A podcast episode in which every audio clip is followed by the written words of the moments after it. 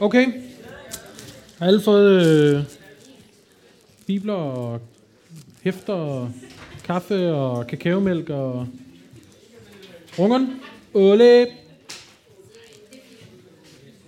Jeg hedder Rasmus. Jeg er ansat her i kirken som ungdomsleder, ungdomspræst. Og øh, det er mig, der leder hele det her foretagende onsdag, som er et øh, kæmpe skib efterhånden. Og øh, vi er utrolig glade for alle dem, der kommer til. Og alle jer, der er her for første gang, eller anden gang, eller tredje gang, eller I er bare super velkommen, og øh, I skal bare følge jer hjemme og kalde det her jeres hjem. Alle er velkommen her, og I er velkommen til jeres, til jeres venner med til enhver tid. Og spise med og drikke alt kaffen. Øh, jeg er gift med Malene, og vi har to børn. Og øh, den ene, han hedder Willy. Og øh, den ene dag, så skulle jeg hente Willy over i skolen. Og øh, det er sådan en lidt sjov historie. Er den der?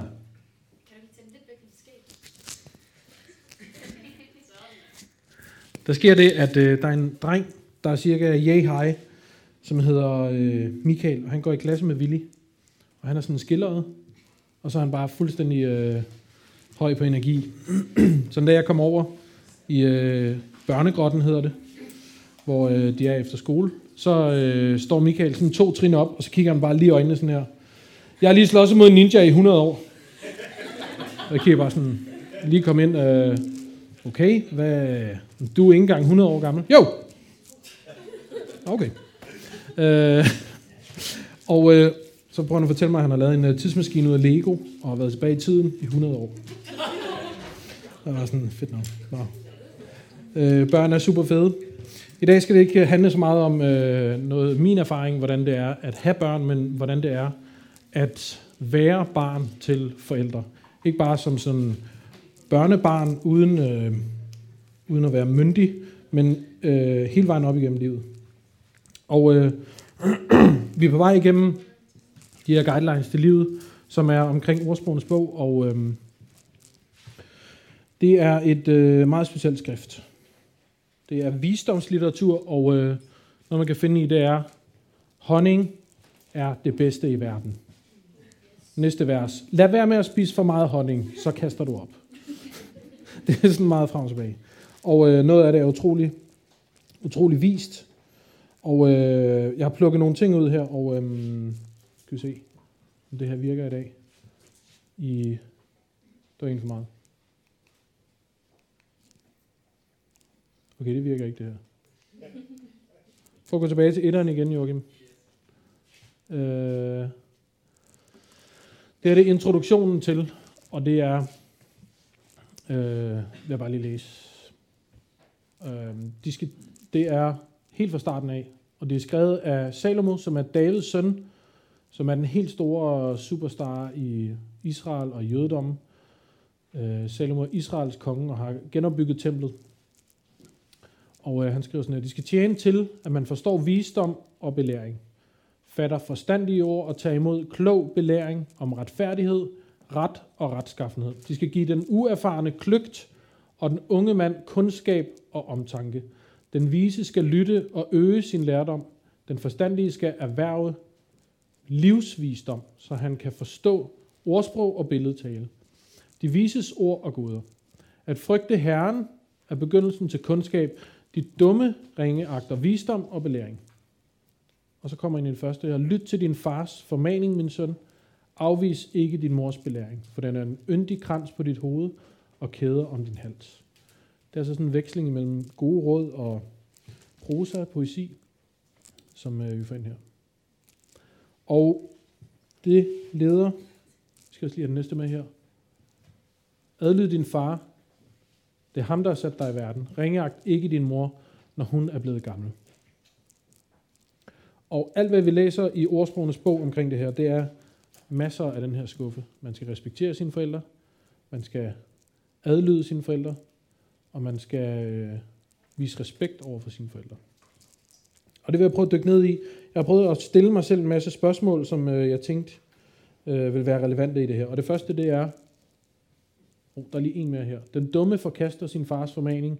Den, der vogter på retledning, er klog. det er næsten ligesom dansk stil, hvor man skal finde nogle forskellige ord for det samme, for at gøre den længere. Ikke? Man bare, det skal være to sider, okay, så man lige bytter ordene ud hele tiden. Så det er rigtig meget i den her skuffe. Det her kan jeg specielt godt lide. Den dumme forkaster sin fars formaning. Den, der vogter på retledning, er klog.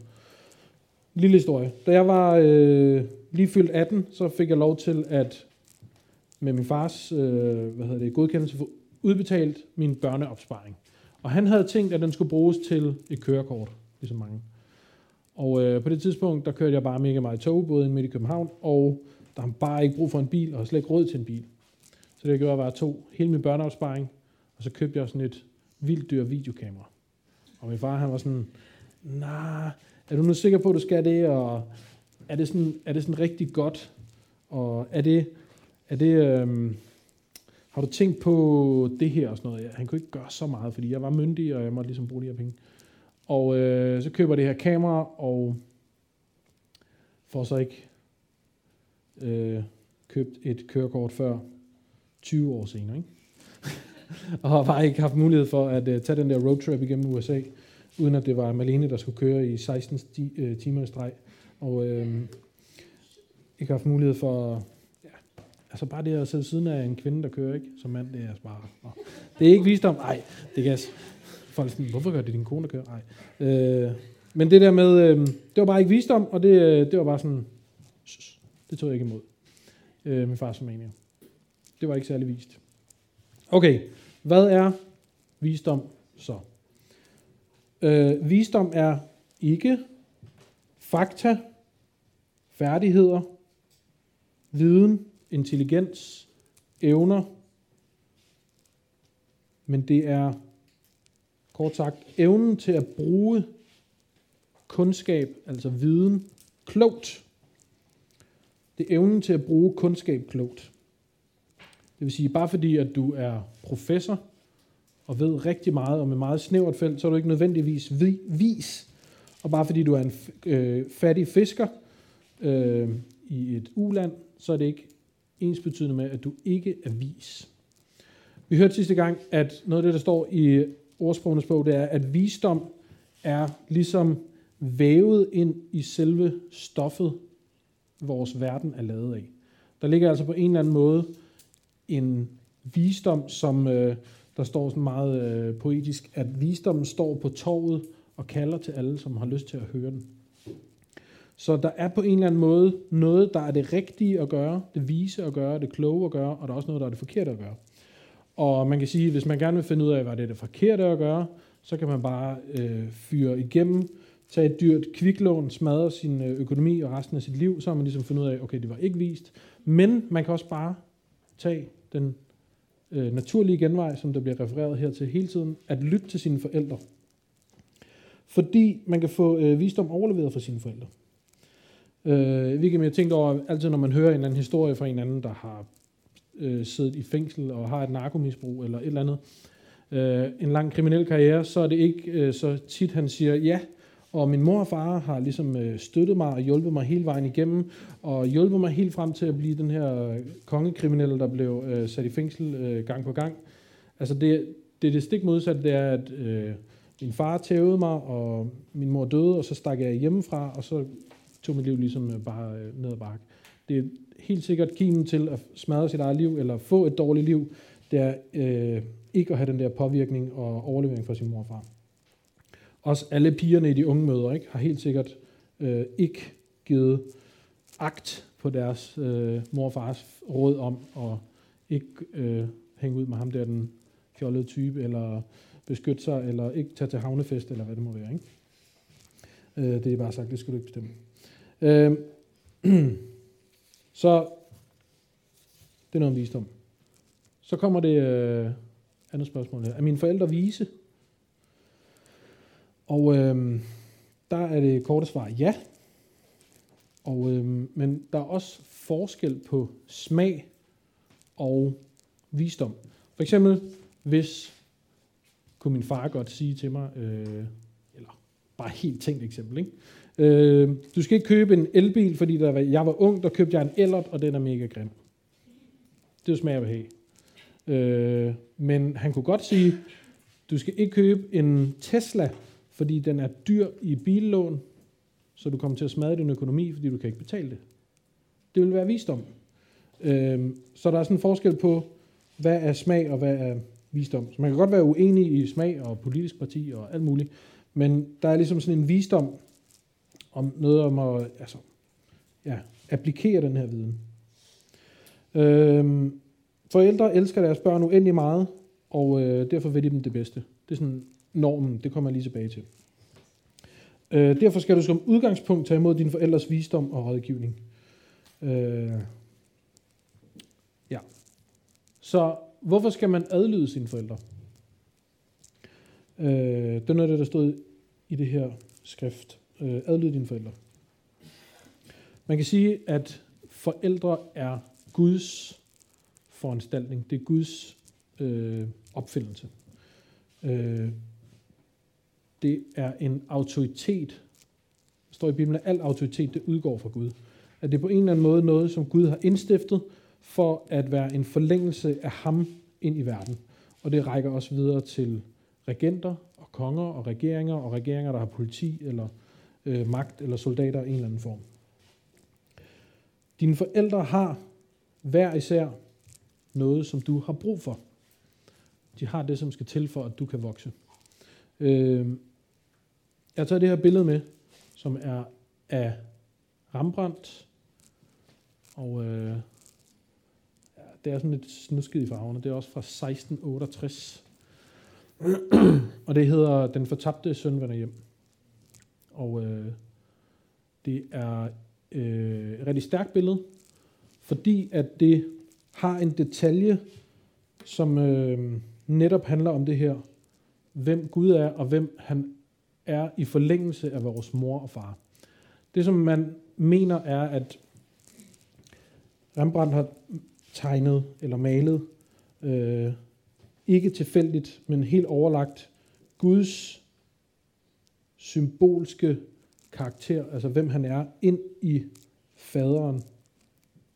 Hvis vi kigger på den venstre hånd, så er det sådan en feminin hånd, en øh, kvindehånd, og den anden hånd er sådan en maskulin hånd, en brutal hånd, en farhånd.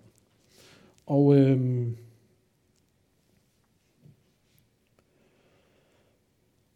det, som ens mor kan, og det, som ens mor altid øh, ligesom bør gøre, det er at støtte en og være en, der trøster en, og en, der opmuntrer en.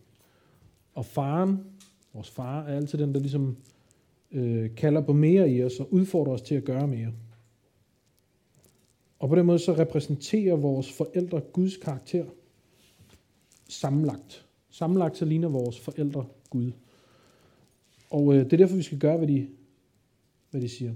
Fordi Gud, hans karakter er både nådig, ligesom vores mor, som altid siger, ah, det er lige meget med dem. Du er den bedste i verden. Og vores far, der altid siger, ah, kunne du ikke gøre det lidt bedre? Kunne du ikke spille lidt bedre? Det er derfor, øh, at Vosniakke er så god. Ikke? Det er fordi, hendes far ved præcis, hvad det er, hun har brug for at blive udfordret på hele tiden. Gud han vil både lære os, og han vil også rumme os. Han tager os, som vi er, men han elsker os så meget, at han ikke bare lader os være, som vi er. Øh, så tænker jeg måske, elsker Gud mig ikke bare, som jeg er? Jeg er bare sådan dejlig. Han elsker os, som vi er, og han tager os fuldstændig, som vi er. Men han lader os ikke blive, som vi er. Øh, det andet vil jo ligesom forudsætte, at vi selv er perfekte, og vi ikke har mere at lære, og vi er sådan en slags Gud selv, som ikke øh, kan blive mere sublim eller blive mere awesome, at man bare er ligesom en Gud selv. Ikke? Øh, men det, som vores far og vores mor gør, at vi, vi vokser af det. Øh, hvis du tænker på dig selv, hvornår du er blevet rigtig god til et eller andet, så er det, hvis der er en, der både har støttet dig i det og udfordret dig i det. Der er både en, der har strukket dig, og en, der har hjulpet dig til at, at fagne det. Øh, og blive i det. Øh, så forældre, det er Guds foranstaltning, og autoriteter er Guds foranstaltning. Og øh, det kommer vi lidt øh, tilbage til. Fordi det næste, jeg gerne vil spørge om, Altså, men jeg tænkte, der er sikkert nogen, der spørger, skal jeg så bare gøre, hvad andre siger? Skal jeg bare gøre, hvad autoriteter siger?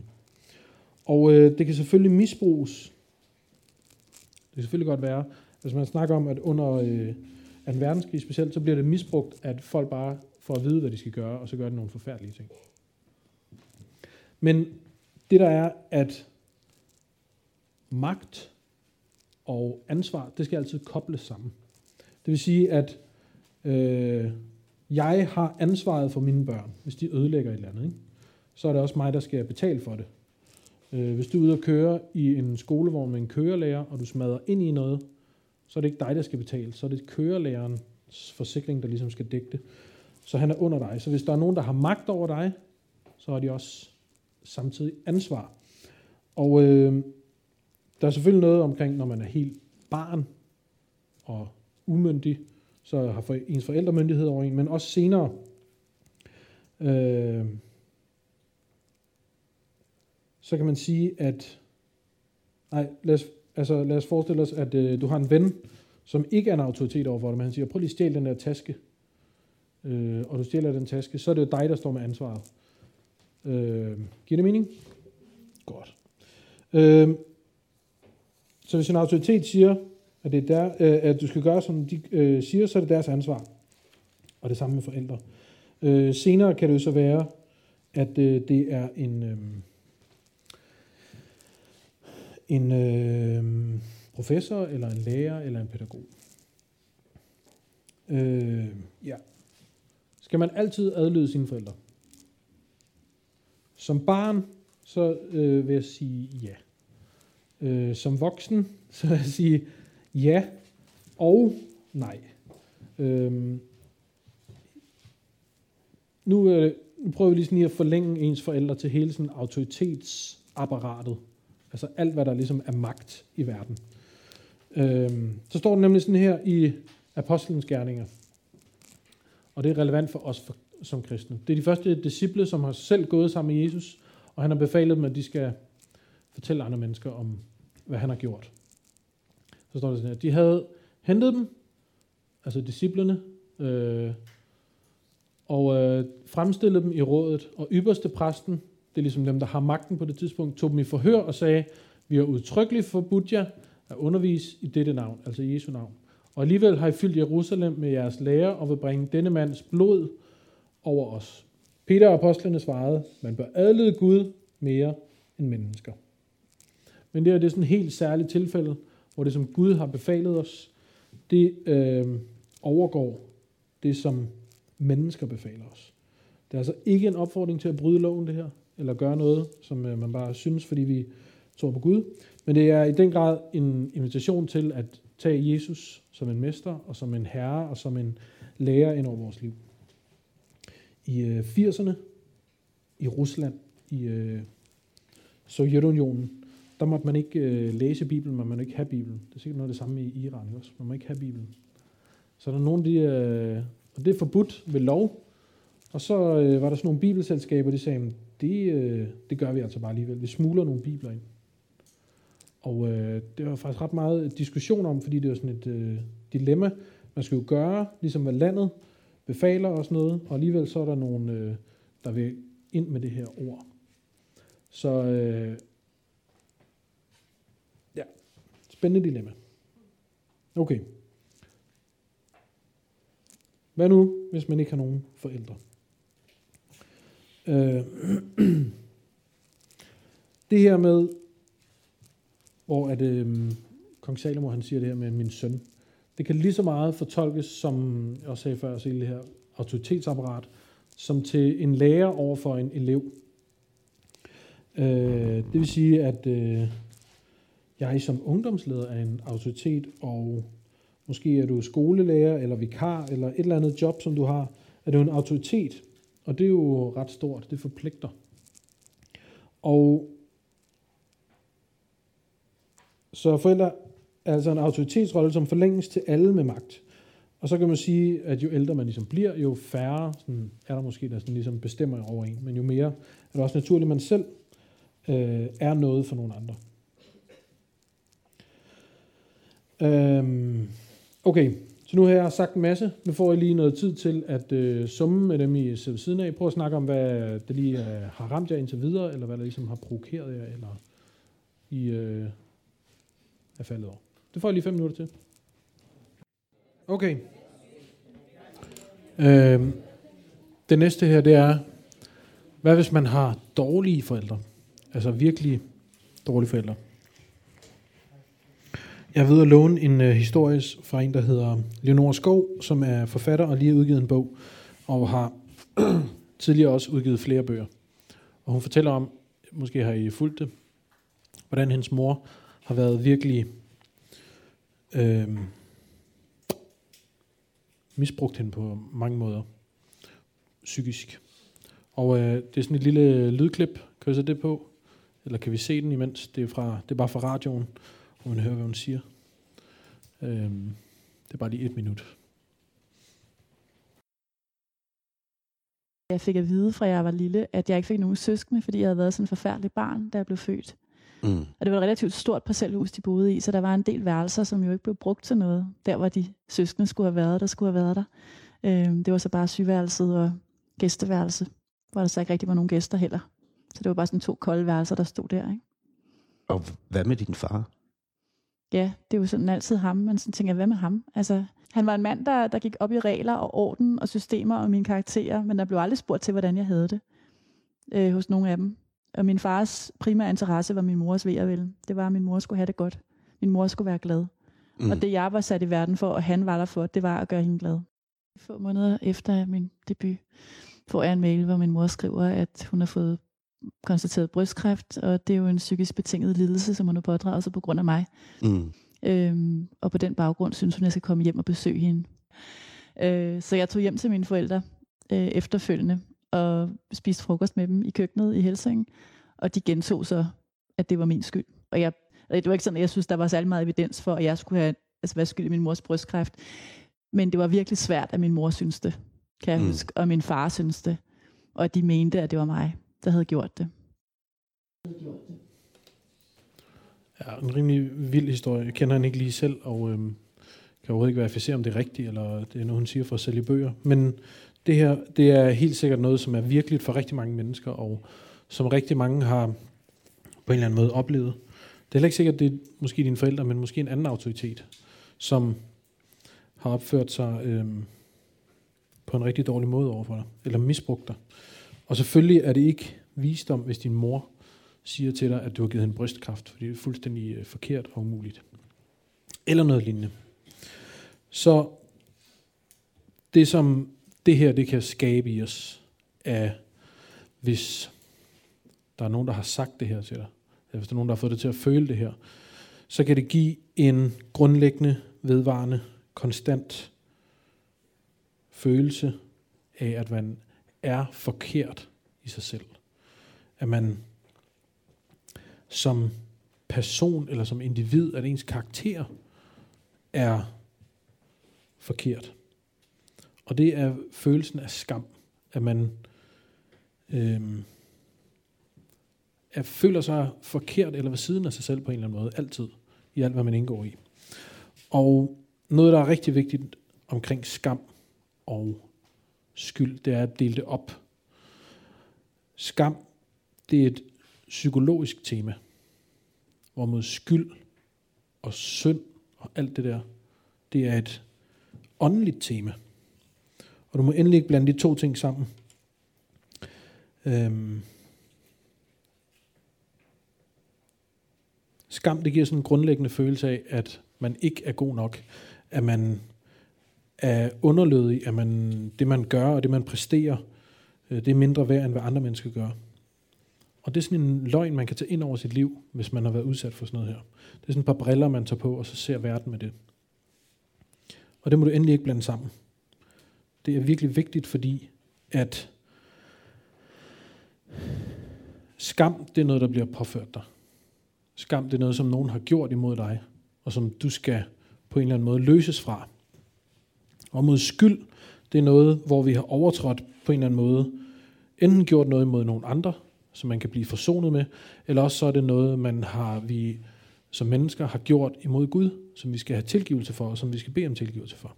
Og de to ting, dem må vi endelig ikke blande sammen. Øh, fordi skam, det er ikke noget, man øh, kan være skyldig i. Skam, det er sådan noget abstrakt. Det er sådan meget ukonkret på en eller anden måde. Og øh, man må ikke og kan ikke bekende skam. Hvis nu hende her, øh, Eleonora, hun vil bekende, at hun har slået sin mor ihjel, fordi hun har givet en brystkræft, så kan det ikke lade sig gøre, fordi det er ikke noget, hun selv bærer skylden for. Det er ikke noget, hun selv har gjort. Så på den måde, så kan man godt bære på nogle kæmpe store ting fra sine forældre. Og det er bare virkelig tungt. Det kan være rigtig tungt, hvis man påtager sig skam, fordi man, det kan slå en ihjel, hvis du skal bære noget, som du ikke selv var skyld i. Så jeg kender selvfølgelig ikke dine forældre. Det kan også være, at du har haft nogle super dejlige forældre, der bare har hjulpet dig og øh, båret dig igennem hele dit liv. Det kan også være, at du har været udsat for noget andet, en anden slags misbrug. Øh, og forældre er selvfølgelig ikke perfekte. Det er der ingen, der er. Øh, og grundlæggende skal, man, skal vi som kristne, og det som Jesus byder os er at forsone os med vores forældre, og vi skal altid tilgive dem, som har gjort noget imod os. Men det er ikke sådan det, der er det første skridt i forhold til, hvis man er udsat eller har været udsat for misbrug, så er det første, at man skal gøre, det er at sætte en grænse op. Fordi det, som øh, er mega svært, det er at finde ud af, okay, hvor er det, jeg er blevet krænket, eller hvor er det, min grænse i virkeligheden går. Og efter det, så skal man søge at blive forsonet eller at tilgive. Så sæt en grænse for misbruget helt klart, og så måske prøv at søge Gud for, om du kan tilgive dem, der har misbrugt dig. Øhm, Guds vej, det er altid forsoning, men vi skal ikke bare tilgive, vi skal sætte grænser først og fremmest. Og du skal selvfølgelig heller ikke flytte hjem og lægge ske min mor og far, eller nogen, der har misbrugt dig på nogen måde, men øh, tilgivelse og forsoning er altid vejen frem. Måske kan man ikke engang bede bønden, eller, eller tilgive dem i sit hjerte, dem som har gjort noget mod en, men man kan måske bede en bøn, som bare er, Gud, tilgiv mig, at jeg ikke kan tilgive. Og øh, nu bliver det rigtig dybt, fordi det er, sådan, det er, vir, det er virkelig langt inde i, i øh, det her med misbrug, og hvis man har været udsat for nogle dårlige forældre. Men tilgivelse og forsoning er vejen frem. Og bede bønnen, Gud, lær mig tilgivelse, lær mig syndsforladelse, så jeg selv kan gøre det med dem, der har gjort noget imod mig.